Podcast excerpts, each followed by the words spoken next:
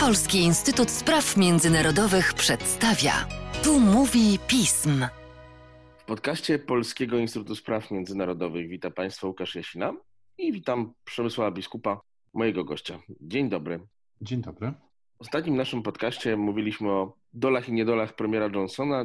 Dziś temat szerszy i kontynuacja naszej rozmowy sprzed roku. Pojawił się na jednym z serwisów streamingowych kolejny sezon serialu The Crown. Można go tłumaczyć jako korona, ale tego się oczywiście nie robi z powodów prawnych. Serialu historycznego o Wielkiej Brytanii, gdzie główną postacią jest królowa Elżbieta II, tym razem sezon opowiada o latach 1979-1990, rządach premier Margaret Thatcher i nie tylko. Więc jakże moglibyśmy o tym nie porozmawiać, jak Wielka Brytania w tym najpopularniejszym serwisie streamingowym uprawia swoją politykę historyczną, opisując chyba najważniejszy dla współczesnej Wielkiej Brytanii w sensie kreacyjnym okres. Czy ta dekada lat 80. to był taki fragment Wielkiej Brytanii, który stworzył jej obecny kształt? Myślę, że tak. To znaczy era bardzo radykalnych przekształceń. Oczywiście taczeryzm jest e, znany również jako pewnego rodzaju doktryna gospodarcza i polityczna, wpisywana w szerszy nurt neoliberalizmu ale moim zdaniem ten okres jest również bardzo ważny z powodów, które jakby wprost może z taczeryzmem nie są związane, ale miały miejsce w tym czasie i taczeryzm je kształtował. Na przykład definitywnym zwrotem w strukturze społecznej ze społeczeństwa takiego powiedziałbym jednak bardzo, bardzo jednolitego pod względem etnicznym i rasowym z strony dzisiejszego społeczeństwa wielokulturowego, to właśnie w latach 80. skokowo wzrósł udział osób pozaeuropejskiego pochodzenia w społeczeństwie brytyjskim. Tutaj odwołałbym się do czegoś, co, o czym już kiedyś wspominałem w jednym z podcastów. Wystarczy spojrzeć na zapisy kronik pogrzebu Churchilla, to są wczesne lata 60. Tam w zasadzie nie ma żadnych kolorowych twarzy.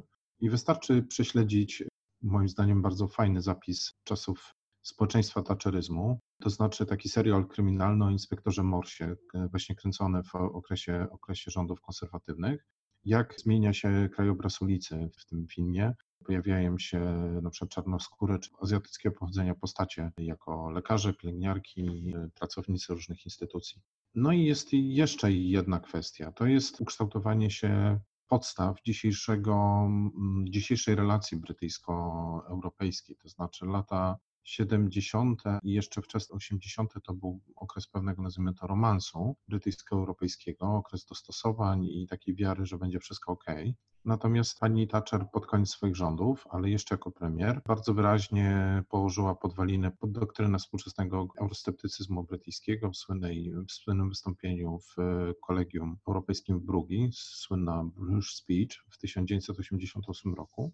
No i chwilę później już zarządów formalnie jej następcy, ale to, jest, to były takie przedłużone lata taczeryzmu w sensie politycznym. Mieliśmy do czynienia z e, ogromnym zamieszaniem wokół traktatu z Maastricht i to właśnie ta debata nad traktatem z Maastricht stworzyła, można powiedzieć, trwające do dzisiaj najważniejsze organizacje eurosceptyczne.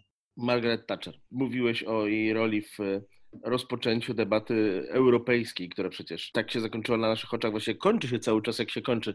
W serialu The Crown wielu z nas rozpoznała aktorkę Gillian Anderson, którą kojarzy zwłaszcza pokolenie dorastające w latach 90. Ona była słynną agent Skali z serialu z archiwum Mix. A tutaj zagrała rolę chyba jednej z najbardziej mitycznych w tej chwili postaci Wielkiej Brytanii. Pamiętamy pogrzeb baronessy Thatcher sprzed siedmiu lat. Dla jednych symbol Wielkiej Brytanii, dla innych wróg publiczny numer jeden. Jak bardzo na Wielką Brytanię dalej rzuca cień duch Wielkiej Megi? Niedawno czytałem pamiętniki Davida Camerona, więc osoby no, prawda, sprawującej urząd premiera jeszcze do stosunkowo niedawno i osoby też, za, za której rządów, że tak powiem, dokonały się niektóre z naprawdę fundamentalnych wydarzeń, między innymi pierwsze referendum niepodległościowe w Szkocji, no i to słynne referendum, nazwijmy to z dzisiejszej perspektywy brexitowe.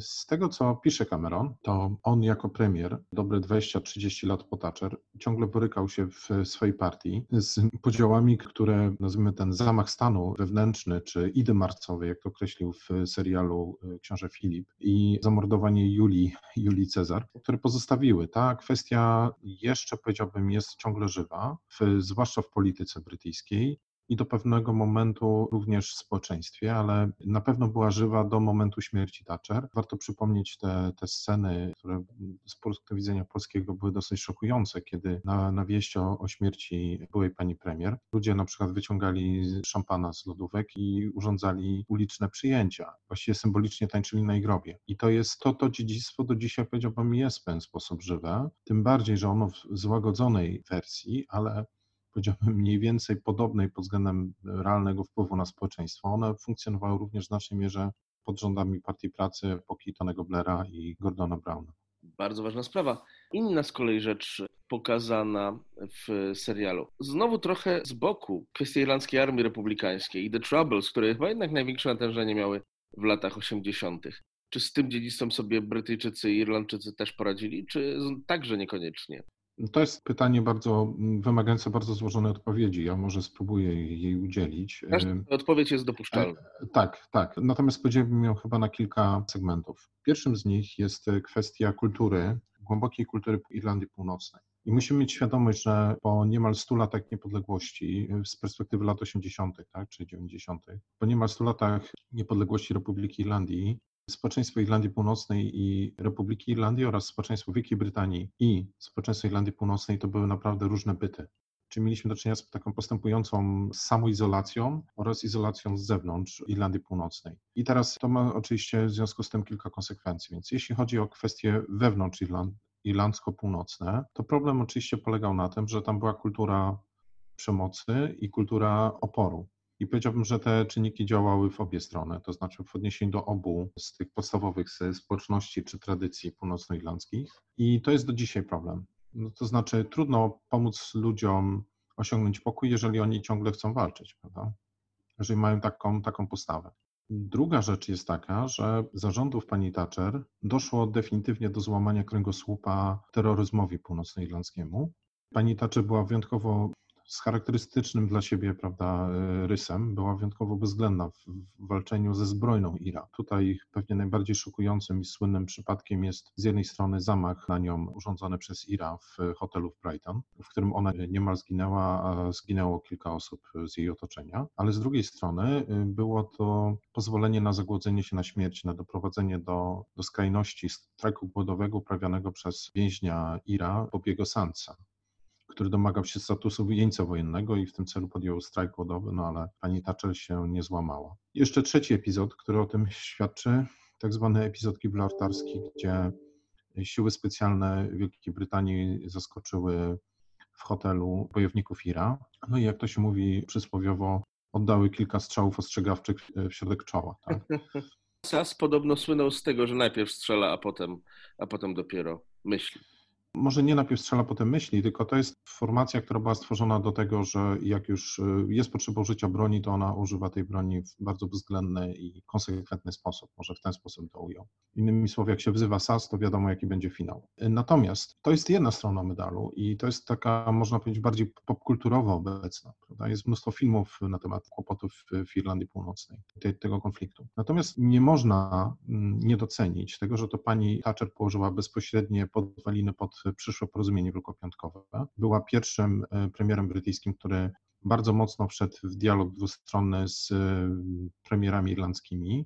W tym celu nomen omen wykorzystywała również spotkania na forach instytucji unijnych i podpisała w połowie lat 80. tak zwany Anglo-Irish Agreement. To był traktat i to był pierwszy traktat, który Republice Irlandii dawał zakorzenienie w polityce północnoirlandzkiej, to znaczy dawał jej formalne prawo głosu w tej polityce, stworzył różne fora dialogu, ale te fora dialogu w praktyce były znacznie ważniejsze niż tylko jako fora dialogu, to były właściwie fora współdecydowania i to z kolei po kontynuacji tych działań, zwłaszcza implementacji, pełnej implementacji tego traktatu przez Johna Majora umożliwiło nowemu premierowi brytyjskiemu z tradycji lewicowej, czyli Tonemu Blairowi, wynegocjowanie porozumienia wielkopiątkowego, ale tego by nie było bez tych prac, kluczowych prac przygotowawczych pani Thatcher. Także ona była też osobą, która wbrew pozorom bardzo realistycznie oceniała obecność brytyjską w Irlandii Północnej i uważała, że to jest nie do podtrzymania dłuższą metodami czysto wojskowymi, czysto siłowymi i że jest tu potrzebna odnowa jakiegoś rodzaju legitymizacji również po stronie społeczności republikańskiej. I y, moim zdaniem mm, to jest chyba najważniejsze To jest przykład najważniejszego dziedzictwa pani Thatcher w polityce brytyjskiej, które niestety z czasem zostało zmitologizowane i zapomniane w pewien sposób. To znaczy to, że pani Thatcher, będąc tak zwanym conviction politician, tak, czyli politykiem mającym bardzo wyraźny kręgosłup aksjologiczny i skłonnym do znacznych poświęceń w imię jego wdrażania, była jednocześnie politykiem mm, bardzo doświadczonym taktykiem i bardzo doświadczonym operatorem, który potrafił w imię realizacji swojej wizji strategicznej również wykazać się czasami wręcz zaskakującą dozą elastyczności.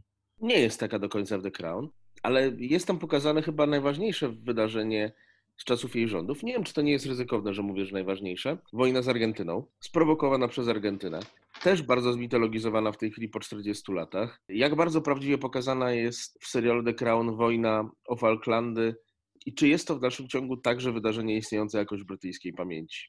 To muszę podjąć polemikę. Znaczy, ja byłem ogromnie zawiedziony oglądając ten serial o, właśnie tym, że nie pokazano wojny Argenty z Argentyną o Falklandy. Uważam, że jej nie pokazano w tym filmie. Wspomniano o niej, Podobno powodem jest kwestia pandemiczna i niemożność zrealizowania dużych scen.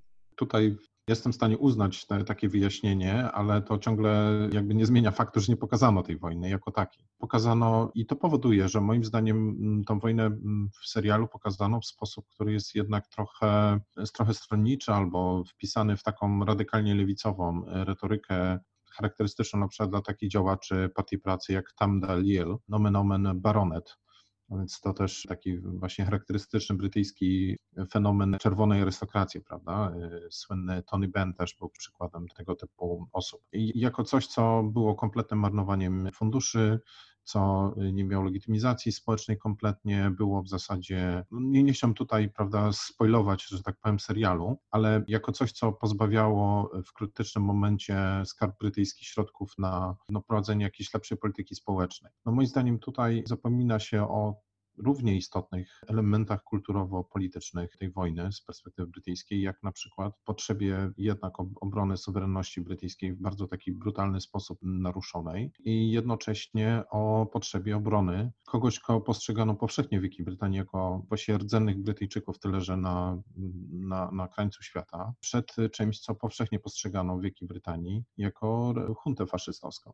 I w tym sensie pani Thatcher miała znaczące poparcie nawet wśród wyborców Partii Pracy, czyli partii opozycyjnej wobec e, konserwatystów. Wojna o Falklandy była o tyle znaczącym wydarzeniem, że po pierwsze była pierwszym od wielu lat istotnym zwycięstwem brytyjskim, militarnym, osiągniętym bez bezpośredniego wsparcia innych aliantów, zwłaszcza Amerykanów. Po drugie była, trzeba to uczciwie powiedzieć, bezprecedensową w ówczesnych warunkach operacją logistyczną i pokazała ogromny potencjał brytyjski w zakresie umiejętności organizacji, szybkiej mobilizacji, pewnej improwizacji i, i to naprawdę czyniło ogromne wrażenie. No i wreszcie to był ogromny zastrzyk popularności dla niej samej i w tym sensie ona tym, na tym niewątpliwie wygrała. Dzięki temu wygrała wybory, które w zasadzie stworzyły taką panią Thatcher, jaką dzisiaj pamiętamy. To znaczy pani Thatcher potrzebowała tego zwycięstwa wyborczego, ono było niemożliwe bez, bez wojny o Falklandy i zwycięstwa w niej. Ostatni właściwie wątek, nie do końca polityczny, acz trochę polityczny, bo ta osoba bądź co bądź jest ciągle przyszłą potencjalną głową państwa. The Crown bardzo negatywnie pokazuje przyszłego króla Wielkiej Brytanii, księcia Karola, księcia Walii, choć oczywiście też nie stroni od negatywnej oceny księżnej Diany, jego wczesnej żony. Czy ta sprawa, chyba jedna z najbardziej mitologicznych elementów brytyjskiego spojrzenia na świat w ciągu ostatnich trzech dekad. Dalej jakoś dzieli Brytyjczyków, czy przeszła jednak już do historii? Myślę, że to już jest y, sprawa pogrzebana, mm, zwłaszcza, że w tej chwili możemy już mówić o tym z przywilejem y, świadomości tego, co się zdarzyło później. Wydarzenia pokazane w serialu pokazują bardzo taki toksyczny trójkąt, w którym mm, księżna Diana od początku funkcjonowała razem z, można powiedzieć, maîtresse en titre, oficjalną kochanką księcia Karola, panią Camillą Parker Bowles, wcześniej Camillą Shand. I jakby ten, ten, ten układ prawda, personalny, on od początku niszczy księżną Dianę, ona później zaczyna się dokładać do tego różne własne, nazwijmy to, zachowania destrukcyjne. Natomiast my dzisiaj wiemy, że pani Parker Bowles rozwiodła się w 1995 roku. Wiemy, że książę Karol rzeczywiście był, był jej wierny przez całe swoje życie, tak? że to przypuszczalnie rzeczywiście była miłość jego życia. Wiemy, że oni się w końcu pobrali. Wiemy, że tworzą do, dobre, stabilne małżeństwo. Wiemy, że mają sporo sympatii, każdy z nich ma sporo sympatii dzieci swojego partnera, więc no, można powiedzieć, że zapewne po prostu ten mariaż królewski nie był specjalnie udany od początku i, i że niestety jego uczestnicy musieli zapłacić bardzo wysoką cenę, żeby, żebyśmy mogli to dzisiaj mogli to ocenić i stwierdzić. Natomiast jeśli mówimy o w jakiś sposób ostro czy negatywnie przedstawionych członkach rodziny królewskiej, to ja uważam, że akurat w tej serii najbardziej w taki sposób jest przedstawiony książę Andrzej. On oczywiście dzisiaj jest kojarzony bardzo mocno jako bohater afery związanej z takim biznesem właściwie prostytucyjnym prowadzonym przez swojego znajomego Amerykanina Andrew Epsteina, tak? ale trzeba powiedzieć uczciwie, że z punktu widzenia lat 80., które są przedstawione w tej serii serialu, no on jest żadnym takim predatorem seksualnym jeszcze nie jest. Natomiast niewątpliwie on był jednym z wtedy bardzo rozpoznawalnych bohaterów wojennych wojny o Falklandy. On w przeciwieństwie do swojego brata naprawdę służył w wojsku, był z zawodu był oficerem zawodowym. W marynarce wojennej spędził ponad 20 lat. Dosłużył się w ramach normalnej ścieżki awansu, dosłużył się stopnia pełnego komandora. Jest scena pokazana, kiedy on pilotuje śmigłowiec. To jest o tyle ważne, że on był pilotem e, marynarki wojennej, służył na lotniskowcach autentycznym. I tu właśnie chcę powiedzieć o jego roli, że w czasie wojny on e, nie tylko dokonywał misji przerzutu wojsk transportowych, pamiętajmy, pod ogniem przeciwnika, ale również latał w misjach tak zwanych decoy missions, czyli misjach odciągania rakiet przeciwokrętowych od okrętów. Y, po prostu głowice przeszukujące tych, y, naprowadzające tych rakiet w tamtych czasach były na tyle nieprecyzyjne, że jeśli złapały, zalogowały się, że tak powiem, na śmigłowiec, który y, latał przed okrętem, to śmigłowiec lecąc powoli na niskiej wysokości nad morzem, mógł te, i odlatując stopniowo od okrętu, mógł te rakiety przekierować w puste morze. Ale oczywiście konsekwencją tego było to, że taka rakieta mogła trafić śmigłowiec. To były niebezpieczne misje i takie przypadki się zdarzały.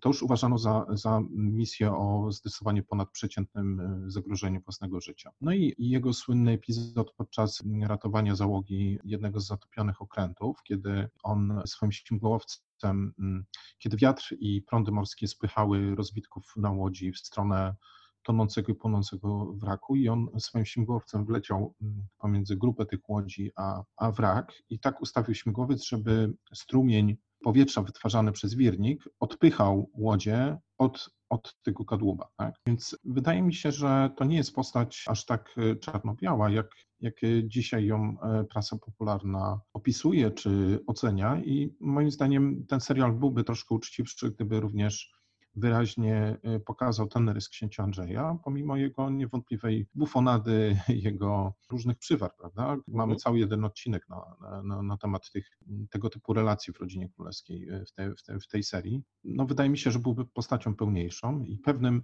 pewnym rysem, który to pokazuje, ale to jest rys tylko dla osób z góry zorientowanych. Jest scena jego ślubu, gdzie jego brat, czyli książę Karol, występuje w takim paradnym mundurze admiralskim, ale pamiętajmy, to jest stopień admiralski, który po prostu przynależy rodzinie królewskiej z tytułu tego, że jest rodziną królewską. I naprzeciwko niego mamy tego księcia Andrzeja, który jest w stosunkowo skromnym e, mundurze młodszego oficera marynarki wojennej, ale to jest y, mundur, który akurat książę Andrzej sobie sam wysłużył i tak jak wspominałem, on przez 20 parę lat był regularnym oficerem marynarki wojennej.